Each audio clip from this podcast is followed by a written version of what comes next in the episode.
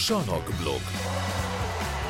Az Eurosport heti tenisz podcastja Szántó Petrával és Dani Bálintal.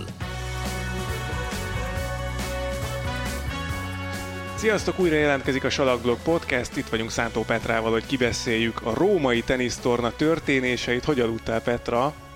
Ö, ö, ö, ö, jól. Mert Vagy hogy nem, ugye- nem jól, mert fölkeltem hajnalban, mert hogy jönni kell közvetíteni, és ö, otthonról Füredről jöttem, és emiatt kicsit korábban keltem, és azon gondolkoztam, hogy Fábi. Fábi. Ne, ne, én, én nem tudom, ne, alig bírtam aludni. Tényleg? Elaludni. Aha, Tehát aha. annyi- tegnap nagyon elfáradtam. Annyira pörögtünk, fú. Nagyon elfáradtam, nagyon pörögtünk, de, de hogy Fábi ez valami fantasztikus volt. Hát ugye legyőzte Marozsán Fábián Carlos Alcarazt, úgyhogy nem tudom, hogy sejtettétek-e, de ez lesz a podcastünk fő témája. Egy-két egyéb infót vagy sztorit is hoztunk azért Rómából, de hát nem, nem lehet mással foglalkozni, mint Marozsán Fábiánnal, aki, hát én nem tudom, te láttál már ilyet? Vagy, vagy ha valami hasonlót, mert, mert rám nagyon régen volt hatással ilyes, ilyen sportesemény gyakorlatilag.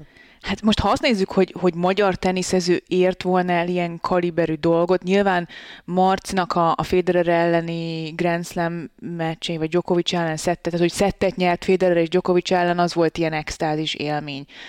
Volt egy-kettő olyan, amikor százon kívüli játékos megvert világ elsőt, vagy, vagy olyat, akit nem nagyon lehetett volna megverni. Ilyen élmény volt, de hogy egy magyar srác ennyire a, a semmiből, ne, mert nem semmiből, csak ez nagyon hülye hangzik, hogy semmiből, de hogy az, az átlag tenisz néző számára, aki nem magyar, annak tényleg a semmiből megverte Carlos Alcarazt, és így, ilyen nem, tehát ilyen extatikus élmény volt szerintem. De szerintem Marionnak is egyébként, én, én nagyon, hát a Marian ezért már mindent közvetített, amit közvetíteni lehet, tehát Szilágyi Áron, olimpiai aranyérmektől kezdve tényleg mindent, amit el tudsz képzelni helyszínről, és én a Marian nagyon régen nem hallottam ennyire Én ilyen sem egyébként. büszkén meghatottnak és lelkesnek. Akkor nem, mint- akkor nem csak én, de én is hallottam, hogy, hogy, hogy, hogy most különleges volt ez a Mariannak is a, a hangján Mhm, lehetett, mhm, uh, mhm. lehetett hallani. De hát mindenkinek különleges volt. Ugye arról beszéltünk, nem is tudom, egy-két adással ezelőtt, hogy Alcarazban az a döbbenetes, hogy, hogy így a hátrányban is van, akkor, akkor sem az jut eszedbe, hogy, hogy na jó, de hát megfordítja, csak hogy hogyan.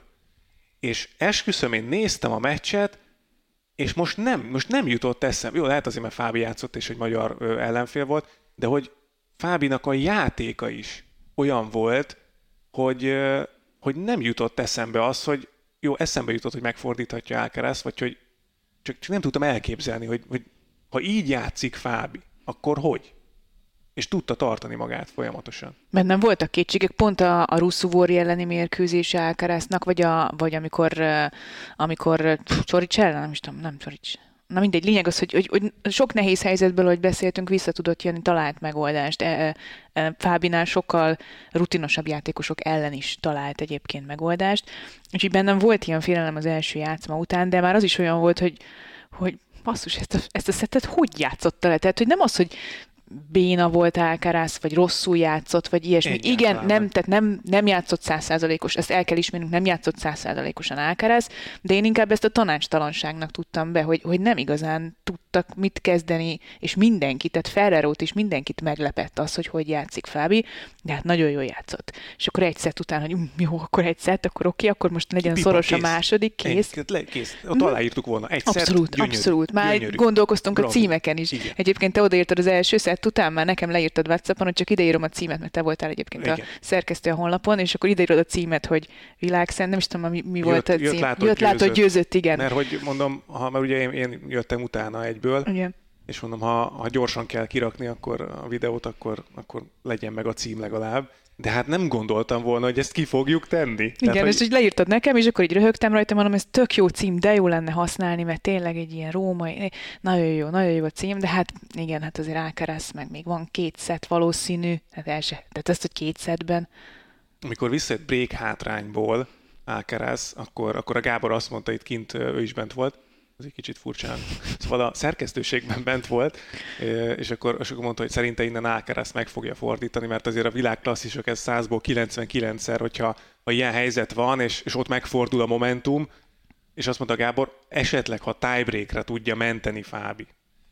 És megcsinálta, de hát ott is egy-négy volt és így néztük, hogy jó, hát egy négy, akkor elúszik a tiebreak, és így már pörögtek azok a képek, amik mindig előttünk vannak, mert nem mi vagyunk a hitetlenek, hanem ez egy tendencia. Ez tendencia szokott lenni a teniszben is, meg sportban is, hogy, hogy egyszerűen a jobb játékos, ha megtalálja azt a ritmusát, ami, ami megvan neki, akkor előbb-utóbb fel tudja őrölni azt, aki sosem volt még ilyen helyzetben. Hát az első főtáblás ATP tornája volt ez Fábinak, ezres verseny, a selejtezőből jött, fáradtnak egyáltalán nem mondhattuk, talán, de, de hogy, hogy nem volt még ilyen helyzetben, és Alcaraz nagyon jó probléma megoldó hírében is áll, és mutatta is, hogy, hogy erre sokszor képes, már most is, 20 évesen, de hogy, hogy, hogy ez, ez valami döbbenet volt, amit játszott a tiebreakben Fábi. Nekem érdekes, hogy a tiebreak az nem volt annyira ijesztő. Uh-huh. Valószínűleg azért, mert én vasárnap este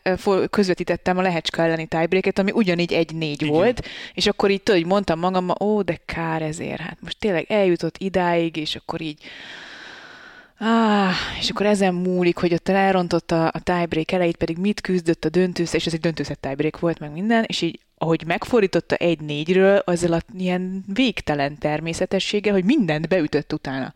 És mondom, én, én ott nem féltem annyira. Uh-huh. Én amikor visszajött Alcaraz 4-4, és így elkezdte spanolni a közönséget, nem mondom, itt igen, itt, itt necces lehet. A 1-4-nél úgy voltam vele, hogy most megint felszabadult lesz. Szerintem e, elengedheti a karját, ezt most innen Alcaraznak tényleg görcsösen be kell fejeznie, mert ő is tudja, hogy ez a tiebreak kell ahhoz, hogy meg tudja fordítani a mérkőzést, és nem tudta is, ahogy játszott. Fú, fú. 24 nyerő, 13 rontásnál állt meg a, a végén, ha jól emlékszem.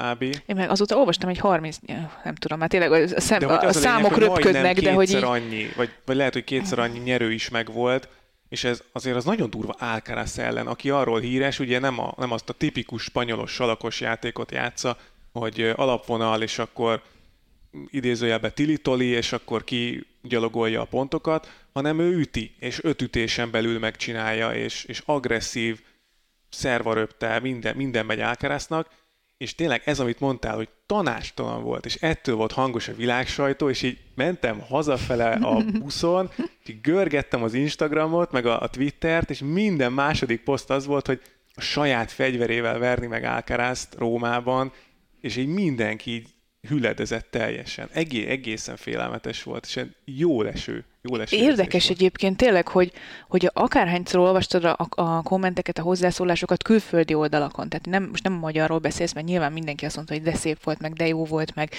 meg de jó, hogy kijött a lépés, meg ilyenek, de hogy, hogy, hogy azt írták, hogy megérdemelte ez a srác, mert úgy játszott, ahogy ezen a meccsen játszani kell, és nem, nem időszakosan, nem két gémig, nem fél szettig, nem egy szettig, hanem két szetten keresztül úgy játszott. Tehát amikor még visszajött Alcaraz break hátrányból, vagy amikor elhúzott a tiebreakben, még akkor sem játszott rosszul uh, Fábi. Utólag elmondta, hogy volt egy-két pillanat az első break előnynél a második játszmában, ő is megijedt egy kicsit, kicsit elremegte, de hogy egyből tudta ő is, hogy ez hú, ezt most nagyon, nagyon el, elizgultam, és vissza kell mennem arra az ösvényre, ahol eddig voltam, mert az jó, mert az, ke, az elég, az elég Alcaraz ellen, és a saját fegyverével tényleg milyen öröm volt nézni. Milyen rövidítéseket ütött. Centire esett le a hálótól a labda, és így Alcaraz az, az óriási kép volt szerintem, amikor így, így rá nehezedett a hálóra, Alcaraz így rátámaszkodott, és így nézett kifele, hogy mi történik itt, és mindenki ott ült, és mi történik itt. Hát a Rév Danival azon röhögtünk, volt olyan olasz szurkoló, aki elfordította az olasz zászlót oldalirányba, és magyar zászlónak álcázta, és úgy örült Fábinak. Iszonyatos jó érzés jó, volt. Nagyon tényleg. jó érzés volt. És uh, ilyet még Nézni. szintén nem láttam, és ezt, ezt szerintem ez is ilyen kulisszatitok, amit így elmondhatunk, hogy mindig beszélünk erről az WhatsApp csoportról, ahol az összes eurosportos kommentátor benne van, mert nekünk ott mondják el az infókat, számolnak vissza reklámra, meg mondják tényleg mindent, de ezek ilyen technikai információk szoktak lenni. Bejelentkezünk, becsekkoltunk, soundcheck, mit tudom én, leírják a skripteket, ha van. Tehát, hogy ez egy ilyen professzionális WhatsApp csoport, ahol... Kivéve, hogyha, hogyha a norvég kommentátor beküld, hogy mit iszik, eszik éppen a... Jó. Van, hogy mindannyian véletlenül küldtünk már oda üzenetet, amit nem oda szántunk, és Igen. akkor törölni kell. Köves Gábor, és egyszer nekem akart valamit küldeni. Nekem akart valamit küldeni, hogy Figyi Petra négyre érkezem, vagy valami, és megküldte a WhatsApp csoportban. Na mindegy. Hello London, négyre érkezem. Igen. és hogy... Tehát, hogy ott nem szoktunk így egymással beszélgetni, Nem. hanem, hanem mi a rendezőnek az utasításait ott... ott nem ott spameljük tele. Nem spameljük tele, igen, ez egy nagyon jó kifejezés. És, és tegnap így olvastam a WhatsApp csoportot, és először a, talán a román kommentátor Mhm. társunk írt, ez a srác, hogy hogy gratulálok magyar szomszédainknak, vagy valami ilyesmit Mhm. uh-huh. írt, és hogy, hogy elképesztő, hogy az utóbbi években milyen játékosokat termeltünk, és felsorolta, hogy Valkusz, eh, Piros Zsombi, Ausztrál Open nyert, Fucsovics Márton, és most ez a Marozsán srác, akivel még soha nem találkoztunk, és, és hogy ez nagyon jó, Isten a rendező is beírta, hogy micsoda egy sztori, micsoda egy meccs, beírta egy másik kommentátor, hogy bárcsak mindig ilyen mérkőzéseket kö- ö, Adjunk több ma- magyar meccset, azt írták. azt adjunk több magyar meccset. Mert hogy ilyen, ilyen, ilyen játékos... Marian vissza, Ma- Marian, a Marian életében nem írt még Igen. a soundchecken kívül semmit abba a csoportból, meg leírt, hogy nem hiszem el, amit látok, és hogy, hogy megtiszteltetés, hogy ilyen, egy ilyen bátor. És a legtöbben azt írták, hogy milyen bátor, és hogy mennyire jó volt. És, és tök érdekes, mert mikor közvetítettünk először a Lehecska, igen, a Lehecska elleni mérkőzésnek az első részét közvetítettük, az szombat volt, azt hiszem. Vagy vasárnap? No, tök mindegy. Online ment a többi is. De hogy beadtuk Eurosport 2-n Azt is hittem, az a élőben, mert hogy a. Lehecskával játszottunk, és, vagy játszott, De játszottunk. Muté is volt, várjál. Ő, az is volt Egy, már? egy része én úgy emlékszem, hogy volt. Na mindegy, én a, Lehet, hogy én a. Lehecskát közvetítettem, és ö, én, őszintén szóval én is először közvetítettem életemben Marozsán Fábián mérkőzést, és gondoltam, segítek a, a kollégáknak azzal, hogy fölmondom hangüzenetbe, hogy hogy kell kiejteni a nevét. Mert, és akkor írtam nekik, hogy fölmondom azért a, a, a Fábinak is a nevét, mert hogy gondolom sejtitek a Fucsovics, sok-sok Fucsovics meccs után, hogy nem egy könnyű nyelv ez a... És akkor mindenki röhögött, és fölmondtam, hogy Fábián, Marozsán, és akkor visszért a rendező, hogy sokkal jobb, mint a rendező kollégám, aki marcipánt mondott. Tehát, hogy így, így, ilyen szinten vagyunk, hogy, hogy el kellett mondanunk, hogy hogy kell ejteni az ő nevét, és hogy, és hogy azóta, meg, azóta meg megtanulták a nevét, Hát meg, meg meg, hát, na, tényleg, tehát ez így ez nagyon, nagyon nagy Nagy, élmény nagyon jó, volt. Nagyon, jó nagy volt élmény volt. olvasni azt, hogy, hogy szer- szerintem itthon azért nagyon sokszor mm, furcsán kezeljük a sportsikereket így, így közvélemény szinten. Szóval nagyon a magyar siker az mindig, az mindig olyan, hogy, hogy egy picit ilyen hurrá optimizmus van folyamatosan, meg egy ilyen nagyon, nagyon nagy, olyan fogadtatása van általában ezeknek a, a magyar győzelmeknek, hogy, hogy tök mindegy, hogy most kit vertük meg, de, de megvertük, tehát mit tudom én. Most nem mondok direkt példát inkább. De hogy, hogy az, hogy a 130. helyről a világranglistán, és most tök mindegy, hogy hányadik helyről, mert az a lényeg, hogy teniszben a világ elsőt legyőzni úgy, hogy oké, hogy nem játszott jól, de ez most nem érdekel senkit, és nem azért, hogy felmentsem a, az egészet, vagy, vagy higítsam ezt, a, ezt az el, elért eredményt, de hogy maga, amíg oda eljut valaki, hogy a századik hely környékére a világranglistán, és akkor az még, hogy valaki világ első, szóval ez egy olyan rang, hogy így próbálhatunk ilyen példákat hozni, hogy egy magyar NB1-es csapat mondjuk megveri a, a Real Madridot, vagy ilyesmi. Tehát ilyen, ilyen szintű dolog ez az egész, csak ott ugye csapatsportról van szó, többen lehetnek jók, itt egyedül vagy, és legyőzöd a világ legjobbját, az, az, egy, az egy szinte felfoghatatlan teljesítmény, és az az érdekes, hogy, hogy ezt kül, külföldön szerintem sokkal jobban tudják értékelni, mint itthon. Tehát itthon sokkal több olyan kommentet olvastam, nem biztos, hogy vagy valószínűleg azért nem abból kell kiindulni, hogy ki mit kommentel, de hogy nagyon sok olyan véleményt olvastam, hogy hát, hogyha rossz napja volt Alcaraznak, meg hogy most akkor mi van, hogyha csak elindult Rómában, és, és akkor most a világ első lesz megint, ugye, és első kiemelt a Garosson, inkább rápihen a Garoszra, nem tette oda magát. Szerintem akik ilyeneket írnak, azok nem látták a meccs. Pontosan, pontosan. Tehát hát Alcaraz akart. Látszott rajta, hogy Nagyon akar, de nem tud mit csinálni Marozsán Fábiánnal. Ezek ilyen szürreális mondatok. Ez Abszolút így volt. Ez, tehát ha, ha ránéztél az arcára, meg ránéztél a játékára is, tehát igen, nem játszott jól annyira Alcaraz, de bűrosszul sem. Nem, de Fábi Tehát- miatt nem játszott jól Igen, szerintem. tehát hogy itt nem arról volt szó, hogy rossz napja volt a világ, vagy világnak is a második technikailag jelen pillanatban, nak rossz napja volt. Nem. Rátették arra, hogy ne játszon jól, és ez szerintem óriási különbség egyébként, de ezt elmondta Alcaraz a sajtótájékoztatón, ezt egyből elmondta. Nem azt mondta, hogy rossz napon volt, fájt a lábam, nem tudom mi. Nem, azt mondta, hogy meglepett minket, hogy mennyire jól játszik ez a srác, és én próbáltam harcolni az utolsó pillanatig, de egész egyszerűen ma lehetetlen volt. És ez, ez olyan dolog, ami, ami nagyon nem tudsz mit csinálni. Tehát, hogy, és nagyon sportszerű Alcaraztól, hogy ezt elismerte egyébként, hogy, hogy itt nem, nem, nem rajta múlott a meccs. Tehát, hogy á, azt pont ezt beszéltük eddig, hogy Alcarazban az a zseniális, hogy mondjuk egy erős közepes játékkal is papíron majdnem mindenkit le kell győznie. Egy 130-on kívüli, ezen a szinten rutintalan játékost meg pláne le kell győznie. Tehát Alcaraznak szerintem egy közepes játék is elég lett volna Fábián ellen, a Fábián nem játszik így. Élete teniszét játszotta, ez, ez teljesen egyértelmű, és itt jön be még egy nagyon jó hozzászólás, ezért vannak nagyon jó hozzászólások is. Ez is azt hiszem külföldi oldalon olvastam, vagy Instán valahol, hogy, hogy ez a meccs azért ez elég komoly bizonyíték arra, hogy nem feltétlen tudásbeli különbség van mondjuk a, két, a top 200-on belül, tehát Alcaraz nem üti 125 helynyivel jobban Marozsánnál a tenyerest, a fonákot, a röptét, a bármit, a konzisztens teljesítmény az, ami elválasztja ezeket a játékosokat. Mert ha mondjuk a 200-at föl kéne osztani három csoportra ilyen szempontból, akkor a 200 és 100 közöttiek mondjuk életükben egyszer, kétszer, háromszor tudnak ilyen teljesítményt nyújtani, mondjuk most Zsombi pont ott van a 100 környékén, ha mondjuk őt veszük a Davis kupában, ezt megmutatta, de azért az nem ö, állandó teljesítmény, azok ilyen kiugró dolgok. Uh-huh a százon belüliek mondjuk tudnak tornákat nyerni, ők egy hétig mondjuk képesek arra, hogy négy-öt meccsen keresztül folyamatosan ezt hozzák, utána viszont megint egy picit jön az ingazozó játék. És ott van a top 10, akik meg egész évben tudják ezt hozni, és ennyi múlik a tenisz.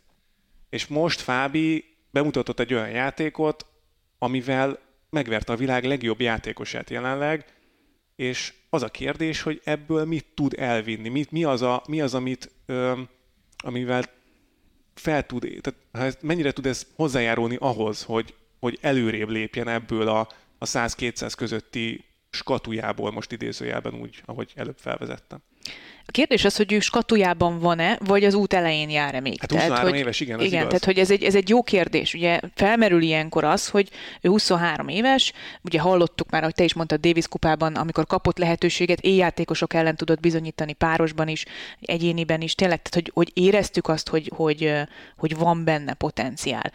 De hogy ez, ez az út eleje lehet. És lehet, hogy az, és lehet, hogy, hogy Fábi egyáltalán nem tartozik majd ebbe a skatujába, mm. amit most te is mondtál, ami igazad van, hogy életükben egyszer-kétszer tudnak kiugró eredmény nyújtani, a többi napjuk az olyan, hogy mondjuk Challenger túron szépen részt tudnak venni, és nagyjából meg tudnak élni ebből a profi teniszből, helyenként kiugró eredményekkel, mert nyilván ők is tudnak ugyanolyan bombaerős és szép tenyerest ütni, mint Novák Djokovic, csak nem azon a a stabilit, vagy nem azzal a stabilitással. És ezért ez az érdekes, és erre akarok rákötni arra, amit Köves Gábor mesélt nekem még, a, amikor együtt közvetítettünk, és még a a Lehecska elleni mérkőzésnek az elejét közvetítettük, tehát amikor kb. elveszítette az első szettet Fábián is, akkor is úgy voltunk vele, hogy jó feljutott a főtáblára, az óriási dolog, megverte Mutét, ahogy megverte, erről is beszélünk majd, de hát itt van egy Lehecska, aki nem egy csalak specialista, de azért mégiscsak Ausztrál Open negyed döntős, meg Next Gen világbajnoki döntős, stb. stb. Tehát tisztes vereség.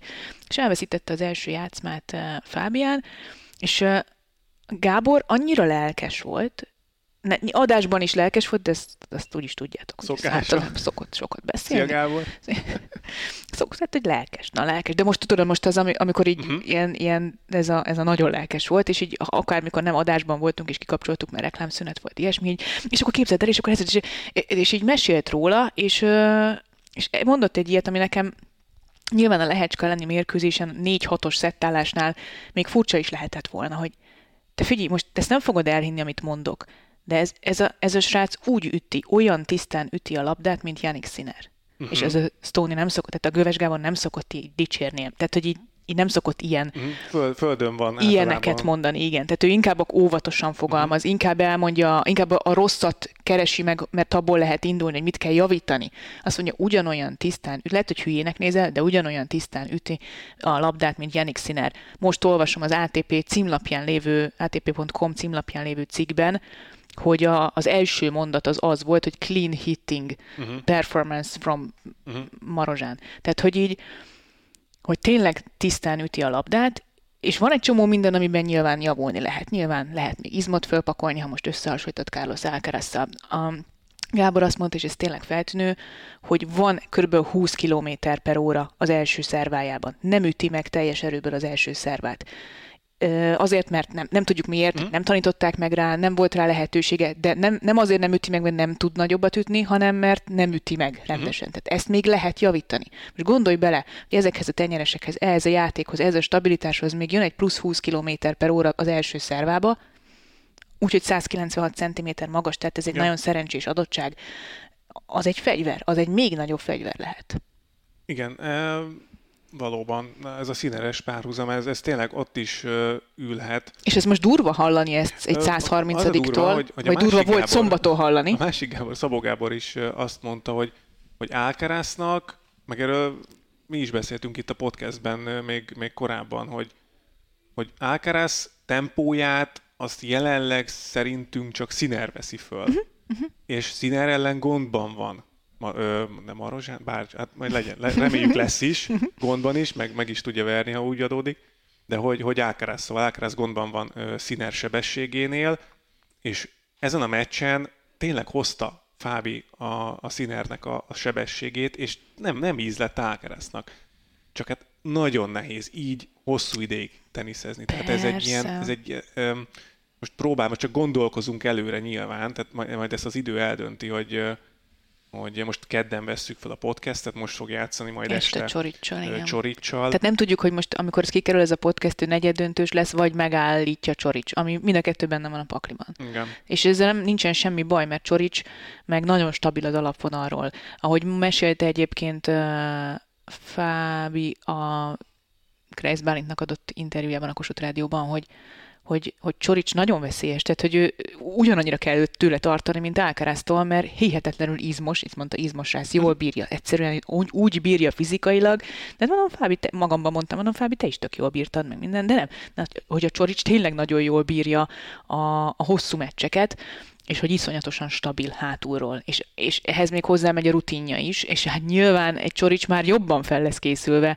mert ő már látta ezt az Alcaraz elleni mérkőzést Fábitól. Tehát ez, ez, ezek, mondta, igen, hogy tehát most, tudta. Igen, tehát hogy most oké, hogy megverte Alcaraz, biztos sokan elvárják, hogy akkor egy Csoricsot is ez verjen meg, de ez nem így működik. Borna Csorics a világ egyik legjobb játékosa, és a sérülések miatt nem top 10-es, nekem meggyőződésem. Nincs egy olyan látványos játék, amit Alcaraznak, de amit tud, az hú, az kőkemény. Tehát nem lesz egy egyszerű dolog ez, és most tök mindegy, hogy mire ez a podcast kikerül, most akkor megállítottuk, a, vagy megállította a Csorics a nyolcad döntőben, vagy negyed döntős Fábián, igazából teljesen mindegy.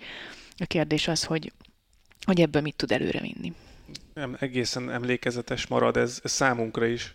De tényleg, tényleg nagyon régen éreztem én is ilyet, hogy, hogy így, így rendesen boldog voltam, mhm. örültem, hogy, hogy nyert. Értem, amit mondasz, Tehát, abszolút így van, igen. Belőlem ez nem tudom, ami, amióta ugye sporttal foglalkozunk, azért nagyon sok sportot nézünk amúgy is, és, és, és így helyén kezeljük a dolgokat, meg, vagy próbáljuk helyén kezelni a dolgokat legtöbbször, de ez most nagyon elvitt magával Elhiszem, És nagyon elhiszem. régen volt, volt ilyen. Hát még a meccs előtt küldtél nekem egy screenshotot, hogy 23-szoros pénzt adnak. Ja, 1-0, 12 volt Alcarazra, ez a lehető legkisebb boc. és 23, ha jól emlékszem. 23-as volt Fábira, igen. És még kérdeztem is, hogy mennyit tettél, de nem válaszoltál okosan. Hát nem, nem tettem rá nyilván. Hát, hát pedig elírt volna egy ezrest is, aztán hát, de, de, most már kocinthatnánk, de, de, de nem, volt, nem volt realitása annak. Kíváncsi vagyok egyébként az, aki esetleg tett rá. Én gondolkoztam, hogy csak én nem vagyok ilyen fogadós. Tehát mondom, erre egy ezrest megéri tenni. Úgyhogy...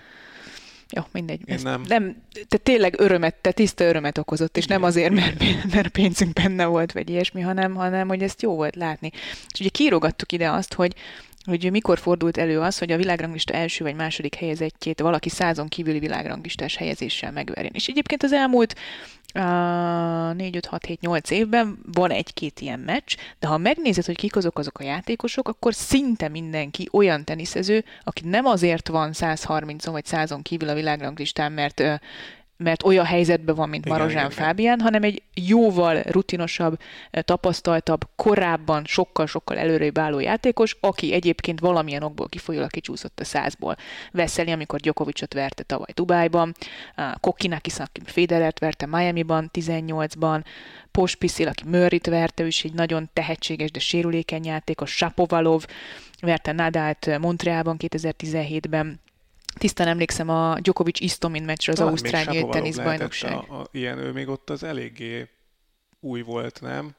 17-ben. 17-ben, Hát lehet, de, de ő már néhány héttel később szerintem már US Open-en már nagyon, mm. nem mindegy, lényegtelen, de hogy olyan játékosok, akik, Jó, akik vagy, vagy akkor robbantak be, és aztán utána e, bizonyítottak is, vagy, vagy nem véletlenül volt. Tehát mint a Del Potro verte Djokovic mm. 16-os Riói olimpián, de tudjuk, hogy Del Fú, Potro nem, nem top 100-as, e, vagy top 100-on kívüli játékszintet képvisel. És ha megnézed, talán a tavalyi Szertogenbosi Van Rijthoven féle Tényleg. győzelemen kívül, aki tényleg tök ismeretlen 205. játékos volt, de füvön hazai pályán megverte az akkor egyébként világranglista második, korábban világ első Daniel Medvegyevet. És anna az meglepetés volt, az főleg úgy, hogy ez torna döntőben volt, itt egyből tornát is nyert vele Van Rijthofen, de és hát magyar részről meg ugye Taróci Balázs volt, aki ilyen magasan rangsorolt játékost éve. 40 éve. 84-ben lendült. 83, de mindig. 83? Mm. Hát az volt 40 éve. Mm, igen, valóban. Szóval, ja, ja ezek, ezek nagyon kemény dolgok. Tehát, hogy ez az nagyon ritka, hogy valaki ilyen, és itt nem a top százon kívüliség a lényeg, hanem azért, mert ő még nincs ott. Tehát, hogy ő, ő sokkal teljesen más más szinten volt eddig, mint, mint azok, akik, akik véletlenül csúsztak ki a legjobb százba. És erre, erről szerintem nagyon sok mindent elmond, az a tök aranyos sajtótájékoztató, amit most mi is bejátszottunk adásba, Ugye az első újságírói kérdés, ez kb. arra vonatkozott, hogy Fábián, akkor valami, valamit mondjál már magadról, mert írnunk kell rólad. Már jó. És akkor aranyos volt, hogy, hogy a nevem Maruzsán Fábián, hi guys! Öt éves korom óta teniszezem, édesapám tanított meg, tőle tanultam mindent, ő volt az első edzőm. Hát többnyire a Challenger túron játszom, ott, ott azért voltak már eredményei, és így, és így tök, Szürreális volt, mert ugye mi nagyjából ismerjük azért igen, ezeket. Igen, tehát így... nyilván mi tudtuk Davis kupából, igen, meg, igen. Hogy, tehát hogy azért ez megvolt, de hogy ez, ez, ez tényleg egy extra történet kívülről, főleg úgy, hogy, hogy ez egy nem egy véletlen győzelem volt, nem a kezébe nem. adta Alcaraz, hanem ezt, ezt kiérdemelte, és, és szerintem tök jó, tök jó üzenete volt ennek az egésznek, amikor mondta Fábio, hogy az volt a célom, hogy akkor valiban nyerjek egy meccset. nem megverte. és Igen, aztán, hát aztán most itt vagyok, hogy, hogy megvertem Alcarazt, és és a, egy másik történet, remélem ezt elmesélhetem egyébként, mert ezt is a Gábor mesélte akkor, amikor a Lehecskeleni meccset közvetítettük, hogy, hogy a Fábi, nem tudom, egy vagy két hete, most nekem nem, nem tudom neked megmondani, a Banyalukai tornára úgy ment le, hogy beült a kocsiába, és egyedül levezetett a tenisztáskáival, mert pont nem tehát neki nincs mm. is hivatalosan, tehát van edzője nyilván, de tehát ez nem egy, ne úgy képzeljük el, hogy Juan Carlos Ferrero 15 éves korában odaállt mellé, és onnantól kezdve uh, Carlos Alcaraznak csak és kizárólag a tenisszel kellett foglalkozni, és semmi mással a világon. Ez az egy, az egy nagyon jó történet, és tényleg hálásak vagyunk azért, hogy, hogy Ferrero észrevette Alcarazt, és ennyire hamar ki tudta hozni belőle a legjobbat, de a legtöbben nem, nem így nem ilyen lehetőségeket kapnak, és Fábián ott tartott, hogy beült a kis kocsiába, levezetett valami 7 órát Banyalukára, végigcsinálta a tornát, jutott, ameddig jutott, és utána hazavezetett. Tehát, hogy, és utána Jézus. két héttel később meg, meg, megcsinálja ezt, és egyedül. Tehát, hogy oda, oda senki nem is ment vele, mert gondolom nincs, nincs meg az a hmm. kapacitásra, hogy mindenhova mindenki utazzon vele, ja, egy ja. egész stábbal, meg csapattal, meg nem tudom mivel, annak ellenére, hogy azért látszik, hogy van körülött egy csomó jó ember. De hogy nincsenek meg ugyanazok a lehetőségek. És ha más nem, én abban bízom, hogy ez valamennyire azért a, a lehetőségeket megadja neki majd egy picit jobban. Már csak azzal is, hogy szerintem azért több pénzt teniszezett össze ebben a hétben, mint, mint eddig, eddig bármikor pályafutása során. Igen, itt most nagy ugrás lesz egyébként, és ez is egy tök érdekes dolog, hogy, hogy mennyire, ö, erről ritkán beszélünk egyébként viszonylag, mert, mert nincs érintettség, és nem, nem érezzük unfairnek annyira a dolgot, hogyha a külföldi játékosokkal történnek ilyenek, de ez mennyire unfair már, vagy mennyire furcsa, hogy egy ezres tornán, ahol ezret kap a győztes, a negyedik körért jár 90 ranglistapon. 90. Úgyhogy egy Challenger Tour, Challenger Tour versenyen, ha nyersz, akkor ugye 125 pontot kapsz. Igen. Tehát kb. Igen. ugyanannyi meccsért, négy meccsért, kevesebb pontot kapsz egy ezres tornán, ahol a világ legjobbjaival kell játszanod. Igen, százon kívül még az a 90 pont is rengeteg egyébként, tehát lehet nagyot Valóban. ugrani, de értem, amit mondasz. Érted, tehát, most, ha hogy... játszasz még négy meccset, akkor meg 910 ponttal kapsz többet. Hát ezért szoktuk ilyenkor poénból elmondani, mit a negyedik fordulóban, hogy ha ezt a meccset megnyeri, akkor a virtuális ranglista jön előre 6 helyet. Ha az egész tornát megnyeri, akkor 170 helyet jön előre Nagyjából, a világranglistán, tehát ez tényleg így ekkora ugrásban, vagy ekkora ugrásokkal mérhető. Ugye ez tök, ez tök érdekes. Az is érdekes egyébként, hogy most uh, elméletileg Fábián elmondta azt, hogy jövő héten be van írva valami Challenger tornás, sőt, nem is Challenger tornára, hanem valami még kisebbre. Uh-huh. Tehát, hogy ő megy elméletek jövő héten, most még nem tudja, mi lesz, de, de hogy, hogy jövő héten egy kisebb tornán próbálna még pontokat szerezni, és aztán megy a Roland Garrosra kvalizni, uh-huh. ami ugye három meccs, uh, amit meg kell nyerni a főtábláért, és hát a jelenlegi önbizalommal egyáltalán nem lehetetlen, hogy ez sikerülhet neki, de hogy bizonyos értelemben meg kár, hogy nem, nem tudom, három héttel korábban volt ez a római menetelés, mert akkor meg, akkor meg az is lehet, hogy ott lenne a főtáblán már. És pont arról beszélgettek vele, hogy, hogy mi van, ha mondjuk megvan a Wimbledoni főtábla, akkor mit csinál? És mondta, hogy életemben nem játszottam még hűvön. Ú, de Tehát, tényleg, hogy ez, amúgy vele se gondolunk. Megvered de... Carlos alcaraz de lehet, hogy Wimbledonba úgy mész, hogy az első meccsed a főtáblán az az első füves pályás meccsed lesz életedben. Szenzáció. Szenzáció. Ugye, te, teljesen. Tök érdekes. Ugye arra más, más cipők is kellnek, meg mm-hmm. minden, és mm-hmm. most nem, nem, nem tudom, hogy áll ugye szponzor ügyileg Fábi ebben, de hogy, hogy ha egyedül vezetsz le egy versenyre, akkor gyanítom, nem kapsz füves cipőt csak úgy a szponzortól, vagy nem, nem tudom, most ez lehet csak, csak feltételezés, de ez is tényleg tök fura. Most Báez jutott eszembe, aki ugye nem játszott uh, fedett, kemény pályán még a Amikor eljutott a Next Gen VB-n, igen. csak salakon játszott. Kérdezték, igen. hogy na, és akkor mit vársz? Hát most játszom először ilyen borításon.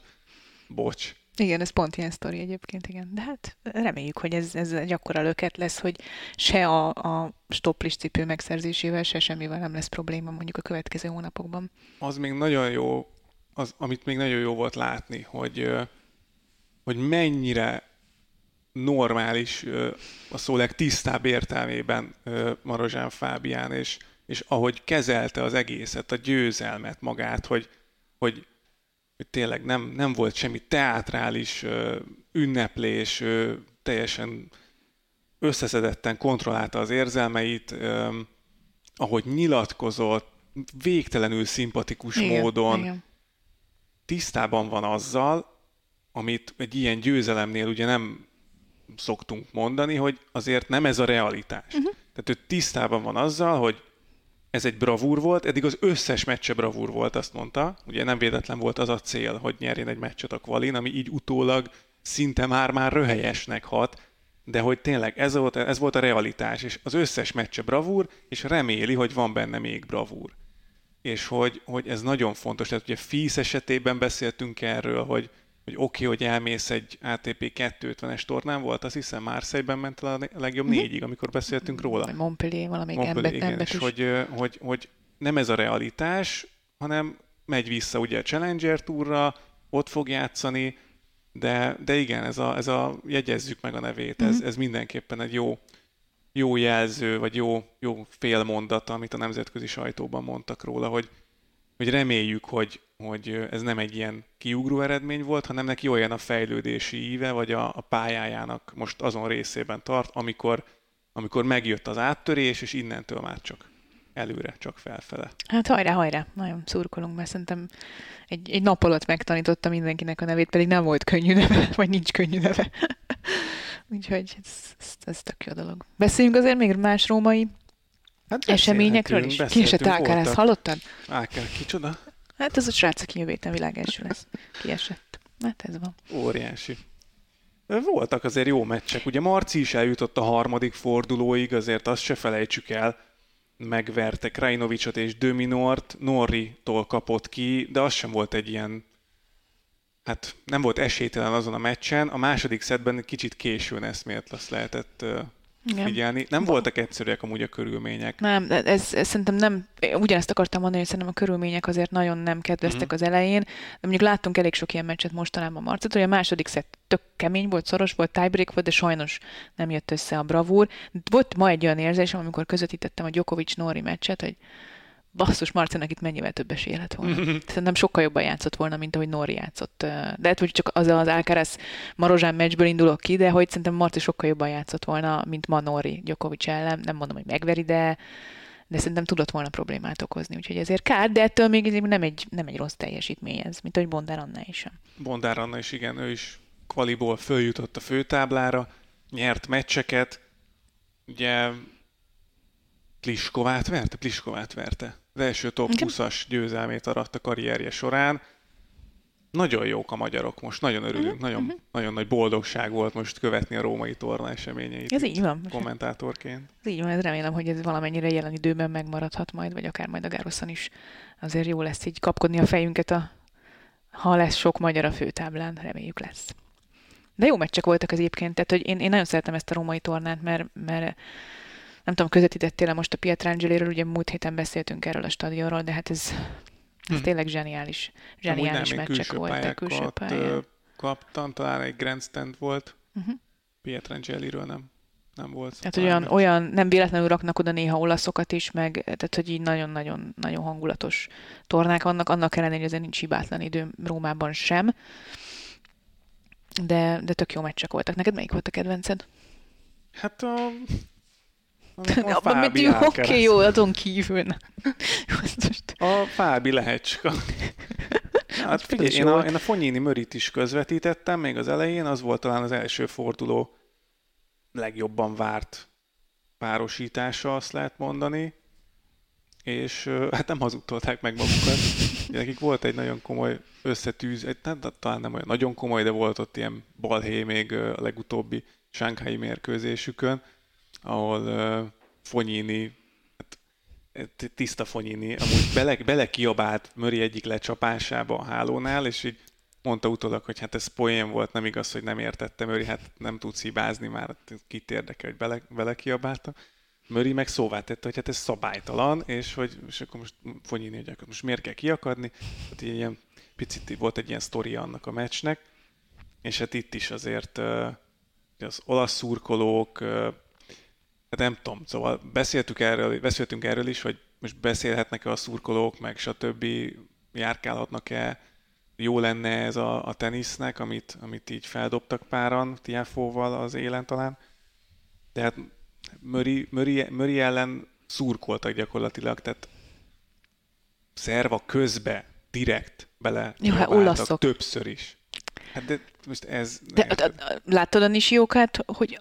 Nem, de hallottam, hogy volt hogy, balhé. Tehát Nisiók, aki Japán, tehát láttál már kiakadni Japánt valaha életedben? Jó, is jók egy picit magányabb srác, de nem az a, ja. nem az a azért földhöz verem magam mhm. című mm. történet, tehát nem olaszok, maradjunk annyiban, és hogy a Sonégo 6-5-re vezetett izé, szetlabda, és hogy direkt fújolják minden egyes mozdulatát Nisiókának tízezren, és oda ment, és magából kikelve üvöltözött a vezetőbíról, hogy ezt hogy engedheti egyáltalán. Hogy ő nem csinált semmi rosszat, és mégis fújolják. Csak azért, mert nem olasz, és olaszszal játszik. Igen, ezt azt hiszem Medvegyev mondott egy ilyet, hogy nincs baj az olaszokkal, az olasz szurkolókkal, amíg nem Olaszországban játszol. Ez nagyjából összefoglalja. Ezzel rögtem a Djokovic meccsen. Az elején leadtunk egy, egy gyönyörű riportot, nagyon szeretem Rómát. Az olasz szurkolók annyira szenvedélyesek, mindig számíthatok rájuk. Következő kép így nyitom, első szett 4-2-nél. Shut the fuck up! mondta a bírónak, Manuel Messina meg ilyen elegáns irodalmi olaszszal, hogy elnézést szeretnénk, hogyha nem beszélnének bele a labdamenetek. Grácie, grácie. És shut the fuck up. Mondom, Igen, mert ez, tehát, Ja, nem, nem tudom. És Djokovic ellen még csak nem is szurkoltak, tehát hogy nem, neki nem volt olyan nagy probléma. Szóval igen, bocsánat, ott tartottál, hogy Fonyini. Fonyini Möri, és Fonyini nyert ja. meccset, ami így önmagában csoda gyakorlatilag az elmúlt időszaka, ugye sérült volt, ezt tegyük hozzá, 2009 óta először esett ki a top 100-ból. Mm. Az is kemény. Ja. De hogy hozott egy sérülést, és nem százszázalékosan megverte Mörit, majd és hogyan? Tehát, hogy azért ott szép játék volt a végén. Hallod, 50 nyerőt ütött. 50 Ez nyerőt ütött. Igaz, hogy ütött 50 ki, nem kényszerített hibát is, de nagyon látványos volt. Nagyon látványos volt, és hangulatos volt, és imádták, és, és, és tényleg imádták, és ilyen, tehát ezek, ezek az igazán emlékezetes meccsek amúgy, amikor így hátra dőlsz, és csak így élvezed. Megverte utána Kecmanovicsot is, és Jó ezzel meg egy év, egy év után először nyert két meccset egymás után. Szép volt, Fábio. Hát igen. És, de már igen, a végét járt a Rune ellen, ott is ott nagyon csúnyán kiakadt a bíróra, azt láttad? Uh-huh. Ja, azt elküldted nekem, igen. igen, igen. Ah, na, az volt ilyen. Ott. Az ilyen olaszos Én néha irigylem egyébként tényleg, hogyha így, nem tudom, össze kell vesznem a... Mit mondtál arra, azt elmesélek? Emlékszel? Mit mondtam? Nem emlékszem. Azt mondta, egyszer tudnék így vitatkozni Jó, én nem tudok így vitatkozni. Én normális vagyok vitatkozás közben, de szeretnék olyan, Fábio Fonyini, hogy csak így mondom a magamét Mhm. is, és tehát mit tudom én a BKV ellenőrrel, vagy nem tudom. Te, kö- te kötekedni akarsz? Nem Ezt- ezt kötekedni mondod akarok, hanem, hanem ilyen egyen rangú partner lenni a, a vitatkozásban, és azt szerintem A Fonyini szerintem még sose vitatkozott, úgyhogy ő, ő úgy gondolta a másik félre, hogy ő, ő vele egy szinten. Na, pont ez a, pont ez a lényeg, hogy, hogy az, az a kedvencem, amikor egy olasz úgy vitatkozik, hogy tudja, hogy nincs igaza, és mégis, Mégis valahogy hiszed, úgy, úgy van körülbelül úgy, úgy meg tudja győzni a másikat, mint például Sonego volt ma a meccslabdánál. Amikor mondta a vezetőbíró neki, megpattant a vonalon Cicipász labdája, mond, oda ment a vezetőbíró meccslabdánál, azért megcsúszott a vonalon, point, Cicipász, game seten Mhm. match, erre a, erre a Sonego, de hát a vonalbíró autót kiáltott, erre a vonalbíró, vonalbíró nem, én ezt mutattam, de a autót kiáltott, nem, én ezt mutattam. Ja, Tehát így, a, így meg akarta változtatni a A történelmet valóságot. Sonego, mert neki szerintem ez tök normális volt. De aztán nem, aztán mosolyogva megbeszélték, nem volt semmi gáz, csak, csak hogy ez így tényleg ad egy ilyen jó kis hangulatot ennek a római tornának. Ha már olaszok, Janik Sinner, Kokkinaki szellem valami döbbenetesen jól, jól játszott, 6-1-6-4-re verte Kokkinakiszt, de hogy, hogy nagyon durván jól játszott Sinner. És ezt nem először mondjuk el Színáról idén. Igen. Mi volt még? Bújom itt a táblát. Ozsieli szíme mi van? Beszéltél vele mostanában? Most írtam neki, de Nem, mert, mert, mert hogy a tavalyi óriási fedett pályás formája, hát ahhoz képest most itt az évelején nagyon ez, hát halvány. tele van ilyen három órás meccsekkel az ember, amit, amit Aha. aztán utána elveszít döntőszedben, mint ahogy egyébként Popirin ellen. Mm. Tegyük hozzá, hogy én már közvetítettem Popirint Rune ellen, és Rune is megszenvedett Közel Popirinnel. volt, Tehát, volt. hogy, hogy ha valakiből hiányzik egy picit a, az önbizalom, és ez Ozsiáliasszimnál azért néha előfordul, akkor egy Popirin az, az rettentő veszélyes ellenfél. Még Rune is nagyon közel volt ahhoz, hogy, hogy, hogy aztán ebből ne legyen továbbjutás. Nem tudom, ha, ha már olaszok vonalon mozgunk továbbra is, Csekkinától nem tudom, öt évente föltámad, vagy Igen, hogy, hogy igen. van ez? Néha eljut egy Grand Slam elődöntőig, aztán utána visszafekszik a, az ágyba, vagy nem Téli tudom. álom. Rubjov ö, menetel, igazából csöndben, szépen csöndben, nélkül, igen. Csak úgy az alsó ág tetején, ott elevickél. Mhm. Rubjov sem rossz. Rubjov sem rossz, szerintem jó lesz a Djokovic Rune negyed döntő, tehát abban lesz egy nagyon jó hangulat. Mhm. Uh, Djokovic eddig azt kell mondanom, hogy meggyőző is volt, meg nem is, Mhm. ami szerintem Rómában nem olyan nagy baj, meg szerintem jó szinten van, tehát megoldotta eddig a problémákat. Nem volt abból a szempontból meggyőző, hogy jó, hát akkor övé a Roland Garros, egyáltalán nem volt ez az érzésem, viszont nincs is olyan nagy baj vele, és így, így megoldja ezeket a nehéz meccseket. Kicsit ilyen ilyen e- eről, erőlt, görcsösnek Mhm. érzem, meg erőltetetnek a játékát, mert szerintem nagyon szeretne már egyébként igazán fontos meccseken jól játszani. De Szerintem. meg És ez, ez Tróne ellen muszáj hogy- lesz. Igen, hogy be- beszélünk Alcarazról, Nadáról, Mhm. hogy mi van Nadállal, nem tudom, Sinner, stb. többiek, és hogy Djokovic most egy picit, picit háttérbe szorult, annak ellenére, hogy jelenleg, amikor felveszük a podcastet, még ő a világ első, és jön a Garros, és nincs meg az most a levegőben, hogy, hogy Djokovic mindenki fölött, és, és akkor a többiek, a mezőny, és akkor Djokovic favoritként az ő mm, jelenlétével ott megjelenik, hogy ő a fő favorit, és mindenki retteg tőle, mert egy kicsit ő is bizonytalankodik, sérüléssel is bajlódik. Azt akartam mondani, hogy én ezen a héten döbbentem rá, hogy szerintem Djokovic érkezett el most abba a szakaszba, amiben ugye volt Federer is, meg Nadal is, vagy belekerültek, és mondjuk Nadal még mindig benne van, Federer már azóta visszavonult.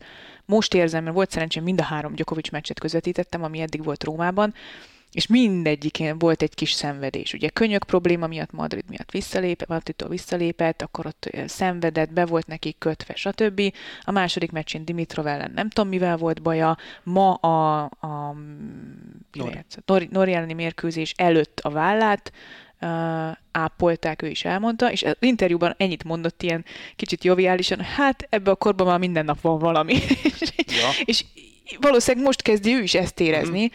hogy, hogy oké, okay, hogy még nem vagyok a világ legjobbja, meg biztos, hogy fogok még Grand Slam-et nyerni, de hogy már tényleg ez a napi szintű fizikai szenvedés, ez, ez már létezik. Tehát létezik ebben a korban, hogy mert érted, ha már picit többet futsz, már picit, picit hát, többet hogy... sétál. Ez azt szerintem a hétköznapi emberekben is így van a 40 felé közeledő emberekkel, hogy úgy egy picit jobban fáj, már picit jobban Igen, meghúzom. Szerintem élsportban ez sokkal hamar, hamarabb jelentkezik. Tehát az Nyilván. élsportolóknál már akár 30 évesen is Persze. már kijöhet az, hogy... Djokovicnál addig nem volt az annyira. az a kérdés, hogy meddig tűrik a fájdalmat hmm. gyakorlatilag. Tehát az élsport ugye ezt mindig elmondjuk, az nem egészséges dolog. És, és az a kérdés, hogy meddig akarod Abszolút. a testedet kitenni ennek a, az egész hajcihőnek, amit élsportnak hívunk, és lehet, hogy Djokovic most ért oda, hogy, hogy először jutott eszébe, hogy hát igen, most már uh-huh. fáj a vállam is, a könyököm, eddig is fáj, csak most már, már nem tudom, hogy neki fussak megint? Van bennem annyi, Én hogy... kicsit ezt Aha. érzem egyébként Djokovic. Aztán lehet, hogy megnyeri Roland garros és akkor kész, megint semmi baj nem lesz két hónapig, vagy három hónapig. Az is benne van, hogy ez egy, ez egy, ez egy hosszú folyamat, és már Federernél is elkezdődött 2017-ben, pedig akkor még nyert ugye két Grand Slam-et is, meg 2000, nem tudom, Nadal nem sokkal korábban elkezdődött. Lehet, hogy Djokovic még két-három évig bőven ott lesz olyan szinten, hogy, hogy versenyképes lesz, de kezdődik ez a része a dolognak. Meglátjuk.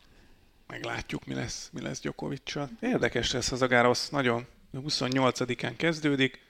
Hát jövő héten már arról kell beszélnünk majd uh-huh. egyébként legtöbbet, bár még nem lesz sorsolásunk szerintem akkor, amikor uh, a következő podcastet, de max csinálunk egy külön Gárosz podcastet. Ja. Az most jutott eszembe. Ja. Voltak Lehet. kérdéseink még. Voltak kérdéseink. Hát akkor vagy... Jó. Oké. Okay. Józsi írt, Joci írt megint. Na. Először is nem, nem mész az agyunkra, tehát nem, ezt nehogy, nehogy azt hidd. Uh, írtál egy olyat, hogy csinálhatnátok egy olyan podcastet, hogy ti hogyan készültök fel egy-egy tornára, meccsre, hogyan zajlik egy napotok a munkában. Az az igazság, hogy nem tudom, hogy hallgattad de Jóci, vagy bárki más azt a másik podcastünket, ahol egyébként erről elég sokat beszéltünk, ez mm-hmm. mennyivel ezelőtt volt? Hát. Három, négy, egy hónappal korábban, most nem tudom neked megmondani, Kb. de lehet, hogy majd belinkeljük a, a cikkbe mm-hmm. azt a podcastet, ahol erről nagyon hosszasan beszélünk, hogy ki hogyan készül fel egy hogyan készül egy kommentátor? Egy kommentátor egy tornára, vagy egy adott mérkőzés, vagy hogyan zajlik a nap, amikor, uh, amikor itt. És ez is olyan, hogy hogy igazából erre már válaszoltunk, de most nagyon röviden válaszolva, tulajdonképpen az, hogy minden nap más, és erre például pont a hétfő volt szerintem a legjobb Abszolút. példa, amikor történt egy olyan tenis siker a, magyar tenisz siker, ami felbojdította a teljes szerkesztőséget, nem csak a tenisz kommentátorokat, vagy az tenisz újságírókat, hanem, hanem mindenki pörgött. És lett egy olyan napunk, egy ilyen csendesnek induló hétfőből, ahol gyakorlatilag a római tornán kívül semmilyen nagyon nagy sportesemény nem zajlott a világon, vagy olyan, amiben valami breaking news történt volna, és ehhez képest, ugye te szerkesztő voltál, közvetítettél, én producer voltam, és gyakorlatilag szerintem a, a Fábi meccstől kezdve estig le se áll, nekem leverült ja, mindenem, ja. le se álltunk, folyamatosan uh, ezzel foglalkoztunk, ezzel pörögtünk, mert nyilván egy ilyen győzelem után nekünk nagyon sokat kell dolgozni, mert fel kell, fel kell dolgozni mindent, ami történt. Interjúk, uh, videók, videók elküldése, cikkek, tehát rengeteg mindent, mindent kell ilyenkor csinálni. Ja, és nem csak kommentátorok vagyunk, hanem újságírók, újságírók, is. újságírók igen, szóval is, a honlapon online formában is. Hát ez nem, ez nem úgy működik nálunk általában, hogy, hogy akkor vége a meccsnek, akkor elmondod az interjút, elköszönsz, és akkor veszed a kabátodat, és hazamész. Május közepén miért kell kabátot venni? Na mindegy. Szóval... Csinálj egy időjárásos podcastot is. Tudom, ez nekem a veszőparipám, főleg igen, igen, igen. ez az idei május, ez ez egy kicsit kiborító. Na szóval, hogy, hogy nekünk nem, itt nem ér véget a napunk, egy ilyen, egy ilyen sportesemény után ezt még nekünk fel is kell dolgozni, és ebben rengeteg meló van. Hát neked aztán pláne rengeteg melót volt tegnap, tehát ez, ez, ez, ez ilyen, szerintem egyébként egészséges. nem volt egészséges, és életedben egyszer fordul elő valószínűleg olimpián kívül, hogy, hogy egyszerre közvetítesz és szerkesztesz is kis túlzással, ami tényleg nem egy egészséges dolog, de hát azért próbáltuk, próbáltuk megoldani valahogy. Túlendültünk. De hogy vannak ilyen napok, vannak olyan napok, amikor meg amikor meg csak csináljuk a munkánkat, hát és igazából... Van olyan egyébként, hogy csak közvetít az ember, és akkor bejön. Nincs ez az de extázis. Az is, az is olyan, hogy ugye fölkészülünk előtte, tehát az is több óra, meg passzív felkészülés, ugye nézzük a meccseket, tehát ha nem is dolgozunk, mi akkor is dolgozunk gyakorlatilag, mert, mert a social médiában, a, a tévében nézzük, követjük a teniszt, ami felkészülésnek is felfogható, mert itt is beszélünk róla, a, az adásban is beszélünk a tenisz világban történt dolgokról, tehát, hogy nem tudom, állandóan dolgozunk, de szeretjük csinálni. Igen, nálunk ez a, szerintem, hogy nincs két egyforma nap, és hát nem, nem, nem a klasszikus értelemben vett kilencre jövünk, és 16 órakor hazamegyünk című történet, és akkor 16-tól másnap reggel 9-ig nem foglalkozunk a munkánkkal, mert nekünk a munkánk része az is, hogy amikor én nem közvetítek, akkor mondjuk hallgat, hallgatlak téged, vagy a többieket, vagy más, más sporteseményeket nézek, más sport csatornákon nézek más sporteseményeket, olvasom, olvassuk, írunk róla, szerkesztjük, stb. stb. Vannak ebben csendesebb napok, és vannak ebben nagyon zsúfolt, nagyon durva napok, amikor mondjuk többet dolgozunk, mint, mint gondoltuk volna. Arról nem beszélve, hogy ugye nekünk például a hétvégénk is a legtöbb esetben. Mi? A hétvég. Na, ja, tehát úgy értem, hogy a, a, a, igen, tehát hogy a, A szombat a vasárnap? szombat vasárnap, ami másoknak pihenésre Mhm. mm. telik, az nálunk, nálunk általában az a fő. Sose volt. Főszed. Sose volt hétvégén. Jó volt, egy-kétszer volt azért. Jó, cserébe van olyan, van egy hétfőnk, ami viszont szabad néha. Ja. De, de, de ilyen, ez igen, tehát hogy ez, ezt kell megszokni. Ez, ez benne a tök jó szerintem a mi munkánkban, hogy nincs két egyforma nap, ezért nem unalmas. Szerintem nehezebb azért kiégni, mert ritka az, hogy az embernek mondjuk, nem tudom, heteken keresztül nem jut egy olyan sportesemény, ami mondjuk feldobná egy picit, vagy akár, mint, akár újságíró, akár kommentátor, akár riporter, akármi, akár podcastet mond róla. Tehát ilyen, ilyen nincsen. Viszont cserében nekünk van hogy szilveszterkor dolgozni kell, karácsonykor dolgozni kell, vasárnap dolgozni kell, nem tudsz hazamenni anyák napjára. Tehát ilyen, ilyen apróságok vannak, amik, amik amiket meg mások sokszor nem értenek meg. De de hát ez van. Ez van. Ez van. Ez van. Tehát, tudok ne, tehát nem panaszkodni, ak- én nem akarok erre panaszkodni, nem, mert nem, nem.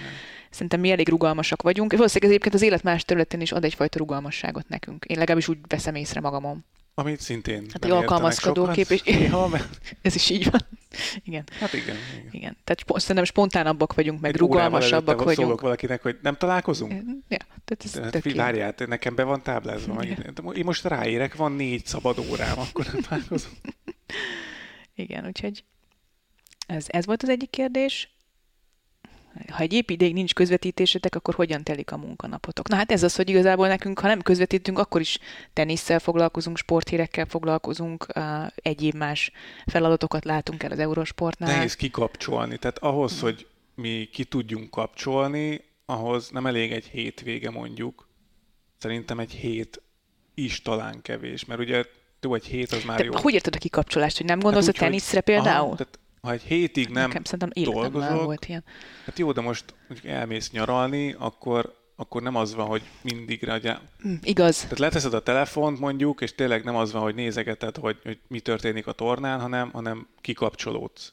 Az egy, az egy hetes ürítési folyamat mondjuk Kb. szerintem. igen, de nem tudom, hogy szerintem nekünk sikerül-e egyébként. Mert eleve még ha nyaralsz is, és nem figyeled a telefonodat, akkor is este ránézel a Facebookra, és nekem már kb. csak Hát sporteseményeket, mi- meg sporthíreket hoz fel. A Twitteren csak sport, tehát Mm. hogy igen, de nehéz elkerülni ilyen szempontból, a, a, és nem is akarod feltétlenül, mert, mert kicsit úgy Hogy érzed, hogy, hogy lemaradsz, igen, tehát hogy így uh, Grand Slam-en szokott az lenni, hogy, hogy uh, régen, amikor még nem voltunk ennyien tenisz kommentátorok, akkor úgy volt, hogy mindannyian minden nap dolgoztunk, és mindenkinek volt egy szabad napja az első héten. Ez ilyen szabály volt, hogy egy nap, amikor al- aludhatsz végig, meg ilyesmi. Én mindig a szabad napom után voltam a legkevésbé összeszedett, mert úgy éreztem, hogy Kiestél egy nap alatt kiestem a ritmusból, mert annyi minden történik egy Grand Slam-en egy nap alatt, hogyha azt te nem nézed otthon, meg nem figyeled az eredményeket, vagy nem hallgatod a kollégáidat, akkor olyan, mintha eltelt volna egy teljes torna, és fogalmat sincs, hogy mi minden történt. És nekem ez picit zavaró volt, és aztán egy új rendszerben, amikor elkezdtünk közvetíteni, úgyhogy az embernek azért valamilyen köze minden nap van az adott Grand Slamhez, úgy, úgy én nem tudom, sokkal felkészültebbnek éreztem magam. Kövi? Van még? Igen, Virág írt nekünk még, kedves Petra és Bálint. Hoppá. Szerintetek a Roland Garros második hetére érdemes open sitting jegyet venni, és úgy is elcsíphető egy junior meccs, vagy bemelegítés, vagy csak maga a hangulat mennyire érzékelhető úgy. Hát én nem voltam a Gároszon, te voltál? Nem? Te voltál? Igen, voltam, és, és azt kell mondanom, hogy igen, szerintem a Roland Garros egy tökéletesen alkalmas Grand Slam torna arra, egyrészt azért, mert Magyarország szempontjából a legkönnyebben elérhető, és talán a legmegfizethetőbb Grand Slam torna is, Wimbledonhoz képest mindenképpen, hogy akinek nincs erre, és hát a legtöbbünknek azért nincs arra pénze, hogy mondjuk megvegye a férfi elődöntőkre, döntőkre, negyed döntőkre a Philip Sátré VIP páholyába jegyet, mert ez több száz euró. Sőt, igazából egy session is 100 euró fölött van. Tehát ez nem egy olcsó dolog. Főleg, ha ha már egy Grand Slam elődöntő van. Viszont a Roland Garroson van ez az open seating, seating vagy hát egészen pontosan én úgy tudom, hogy régen úgy hívták, lehet, hogy most is úgy hívják, hogy uh, sétálójegy, amit uh, 25 éven aluliak 10 euróért vehetnek meg, hát ez nem egy nagy wow. pénz. Úgyhogy kicsúsztál. Hát, ebből már kicsúsztál. Ebből Kicsit. is. Nem igen. sokat, de kicsúsztál. De hogy ilyen, ö, attól függ, hogy milyen napon van, meg mennyi a, a külső pályákon a, a játék, de maximum 40 euróért megvehető, de ilyen 20-30, 10-20-30-40 eurókért megvehetők ezek az úgynevezett sétáló ügyek, ami azt jelenti, hogy nem mész be a nagy stadionokba, viszont minden más nézhetsz és ez szerintem tökéletes hát Grand Slam hangulatot átad. Az első napokban ugye rengeteg meccs van kint, az szerintem tök jó. A, a második héten meg, ahogy írt a Virág is, junior tornák, ugye legendák tornái vannak, az is tök jó, hogy látsz régi nagy sztárokat, uh, junior versenyek, ezt már mondtam, párosok esetleg még, hogyha a csúszás van, uh, kerekes, székes versenyek vannak, tök érdekes dolgok vannak, és oda tényleg oda beülsz 20 euróra, és annyi tenisz nézel, amit nem sajnálsz. Plusz, ami nagyon-nagyon jó szerintem második héten, hogy a stadionon van kívülről kivetítő, tehát mm. ki lehet ülni oda szépen a fűbe, vagy a nyugágyra, veszel magadnak egy sütit, vagy egy sört, és nézed a meccset úgy, hogy egyébként ott zajlik előtte, tehát hallasz mindent. Szerintem zseniális. A, a, Philip Sátré előtt... Az, az jön, hogy megéri. Na, nagyon megéri. Tehát, hogy szerintem 20 euróért Hát nagyon tudjuk, megéri. Mennyi, vagy megnézted? Most megnéztem, egyébként úgy van, kérlek, hogy a Roland Garros előtti héten, amikor a selejtezők vannak 10 euró mindenkinek, 10 euróért bemehetsz, de akkor... Mindenkinek? Minden, akkor mindenkinek 10 euró, 10 euró, és a selejtezős meccseket nézheted, és azért Sziasztok. ott is vannak. Szia Bálint, jó utat, bon voyage. az 10 euró, kérlek szépen, és vagy 12, nem tudom, csak mondtam valamit, uh-huh. és az a durva benne, hogy ahogy olvastam, és szerintem tényleg így volt, amikor én ott voltam, hogy ilyenkor nyitva vannak a nagy stadionok is, tehát te bemehetsz a nagy stadionba, és akkor az, el tudod, mi szokott lenni, emlékszel rá a Roland Garros előtti héten? Megérkezett Rafael Nadal, ment a sátréba ütni. Mm-hmm. És ha más nem, akkor megnézed a sátréban ütni Rafael Nadalt. Tehát, hogy már a, már a Garros előtti héten is megéri bemenni, mert egy kicsit megkapod a hangulatot. Az első héten picit több pénzt fizet a sétálójegyért, játsz egy csomó külső meccset, és ami nagyon durva, hogy külső pályán edz mindenki. Akinek nincs meccse, az aznap ott egy, egy vagy két órát edz. És akkor van, hogy Nadal edz, nem tudom kivel, Zverevvel. És nézed őket, és kerítésen is csüngenek a sétáló egyes emberek, de mindent meg tudsz nézni. És közelről látod, és elmegy melletted, mert a külső hetes pályán edz, az az azt jelenti, hogy át kell menni a Roland Garroson az öltözőből. Tehát jó eséllyel el tudsz mellette sétálni, el tudsz mellette menni, megáll uh, autogramot adni. És ha és ha kifogod a, az edzési időpontját, amit egyébként nyilvánosságra hoznak, azt mondja, hogy a honlapon el is érhető, vagy legalábbis valahol letölthető, akkor pontosan tudod, hogy 10 órakor jön el edzeni, és akkor már oda mész fél tízre, nem lesz helyed, de mindegy, látnod, valamennyire látni fogod Rafael Nadal egy órán keresztül úgy ütni, mint ahogy ugyanúgy, ahogy most egymástól ülünk olyan távolságról. Ez szerintem marhára megéri a sétálójegy. Sőt, annak, aki nem nagyon messze van attól, hogy megengedje magának azt, hogy mondjuk több száz eurót kifizessen egy jegyért, annak szerintem legalább akkora élmény. Főleg azért, mert a nagy stadionokból meg kijön a hang. Uh-huh. Tehát élőbe hallod, ahogy üti Nadal a labdát, csak éppen kivetítőn nézed. És néha, néha jobb hangulat van kint is, mert, mert ott vannak több százan összegyűlnek, ülsz a napsütésbe, és nézed a meccset, és, de közben ott is vagy. Nem állati. Tehát én, én mindenkinek azt mondom, hogy ha, ha, ha megteheti, de nem tud annyit költeni rá, hogy tényleg bemenjen egy negyed döntőre, mert az már irreálisan drága, akkor ez, ez mindenképpen egy jó élmény, mert, mert közel, tehát nagyon közel kerülsz, tűz közelbe kerülsz, és egyébként lehet, hogy közelebbről látod mondjuk rá Nadát, vagy akárkit, mint hogyha a sátrén ülnél fönn a kakasülön. Ez eléggé megérős sztori. Így elmesél. Megnéztem, az első egy-két napra 39 euró, tehát az a legdrágább, a 39 euró a sétálójegy. Kétségtelen, ezek elfogynak hamar, tehát ezt érdemes azt hiszem, hogy előre lefoglalni, hogyha valaki mondjuk pont Párizsban jár, vagy ilyesmi. Hát nehéz elképzelni, hogy ott 11-kor sorba ez, akkor még sok jegy lesz. Én, én úgy tudom, hogy azokat, az is sold out szokott lenni az első egy-két nap. Hát reméljük megválaszoltuk Virág kérdését, meg Joci kérdését is, úgyhogy akkor elfogytak a nézői kérdések? Hát egyelőre igen. Jó, hát figyeljetek, Bálint, nem szoktál mesélni arról, hogy mi. Tessék? Hát, hogy mit, mit nem tudom, ne, nincs. Hogy telik a napod? Hogy telik a napom? Hát, Éppen esik az eső, úgyhogy már gondolkozok, hogy hogy megyek haza pulóverben, szakadó esőben, de ez már legyen Mondd az én gondom. Ez már legyen az én gondom. Ez legyen az én gondom. Tőletek meg akkor elbúcsúzunk. Jövő héten majd jövünk a római torna második felének történéseivel, a negyed döntőktől kezdve a döntővel. Hát nagyon szurkolunk, hogy Fábiról még fogunk, vagy tudjunk majd beszélni, úgyhogy ti is tartsatok az Eurosporttal, figyeljétek a római tenisztornát. Ha podcastet szeretnétek hallgatni, akkor tartsatok velünk a Soundcloudon, ahol, ahol tudtok nekünk kommentelni is, de hogyha hosszabb kérdésetek van, akkor a Salakblog Facebook oldalát kövessétek be, és ott tegyétek fel a kérdéseiteket. A többi Eurosportos podcastet is hallgassátok. A Soundcloudon, az Apple Podcasten és a Google Podcasten is megtalálhatóak vagyunk, iratkozzatok fel, hogy ne maradjatok le a tartalmainkról. Úgyhogy jövő héten jövünk Rómával, addig is sok Eurosportot nézetek, olvassatok bennünket, és akkor majd Petrával jelentkezünk a jövő héten is. Sziasztok!